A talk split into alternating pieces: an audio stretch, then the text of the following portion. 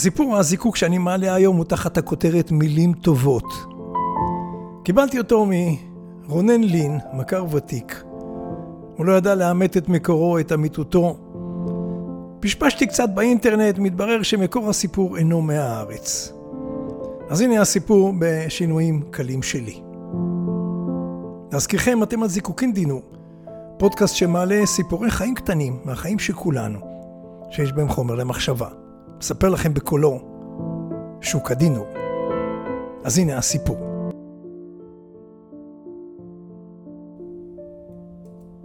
יום אחד הפתיעה מורה את תלמידיה בשיעור חברה, וחלקה להם דף עם שמות כל ילדי הכיתה. הבקשה שלה הפתיעה אותם עוד יותר. ליד כל שם רשמו את הדבר הנחמד ביותר שעולה בדעתכם על כל אחד ואחת מחברי וחברות הכיתה. בסוף השיעור החזירו לי את הרשימה עם כל מה שכתבתם.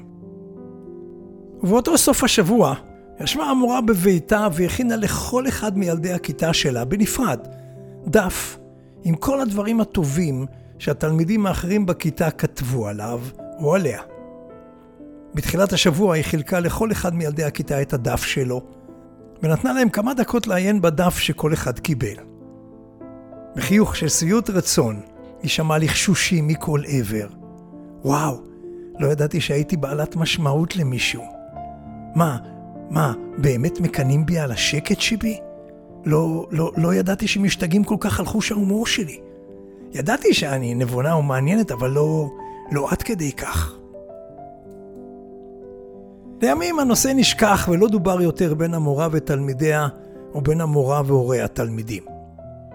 חלפו השנים. התלמידים עזבו את בית הספר והמשיכו כל אחד בחייו.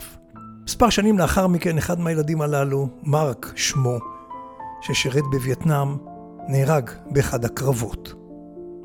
המורה שמעה על כך והלכה לטקס ההלוויה, ולאחר מכן לבית הוריו, ושם בבית הוריו נכחו גם רבים מחבריו, גם מבית הספר וגם כאלה ששירתו איתו בצבא. אחד מחבריו בצבא ניגש אליה, הציג עצמו ואמר לה, אני מבין מהאנשים שאת היית מחנכת של מרק. תדעי לך שהוא... הוא דיבר עלייך רבות.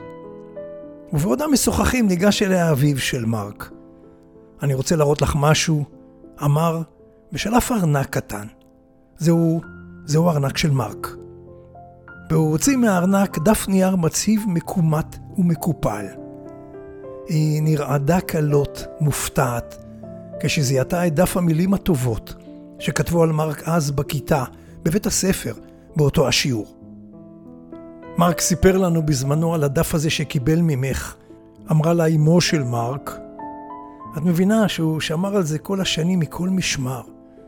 אני מניחה שברגעים קשים הוא היה שולף, קורא ומתעודד.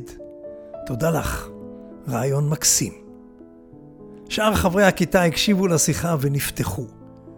אני עדיין שומר את הרשימה שלי במגירות שולחן העבודה שלי, אמר צ'ארלי. אשתו של צ'אק הציצה בצ'אק כמבקשת אישור לספר. הוא הניד בראשו ואז היא אמרה, צ'אק ביקש ממני שאשים את הדף שלו באלבום החתונה שלנו. ויקי, חברה אחרת לכיתה, הושיטה את ידה לתיק שלה ושלפה משם את הרשימה שלה. לא נעים לי להודות, אבל גם אני נושאת את הרשימה כקמע בתיק שלי. משיחות עם כולם, נדמה לי שרבים בכיתה שמרו את זה. זה היה בעיניי רעיון מדהים. אני היום עוסקת בהוראה, וכבר עשיתי את אותו הדבר, גם עם תלמידיי. לא ידעתי איזו השפעה הייתה לכך עליכם, אמרה המורה לתלמידיה מאז, מנסה להסתיר מחנק בגרונה. אבל בעצם, במחשבה נוספת, איך לא? הרי כולנו, כולנו, צמאים למילים טובות שהן הרוח שמפיחה חיים במפרשנו. כך שלח אליי רונן לין, עשיתי כמה שינויים משל עצמי, מקור הסיפור אינו ידוע. וכמה מילים משלי, מרביתנו, אצבענו קלה על ההדק בביקורת, וכבדה על ההדק במילים טובות ובהוקרה.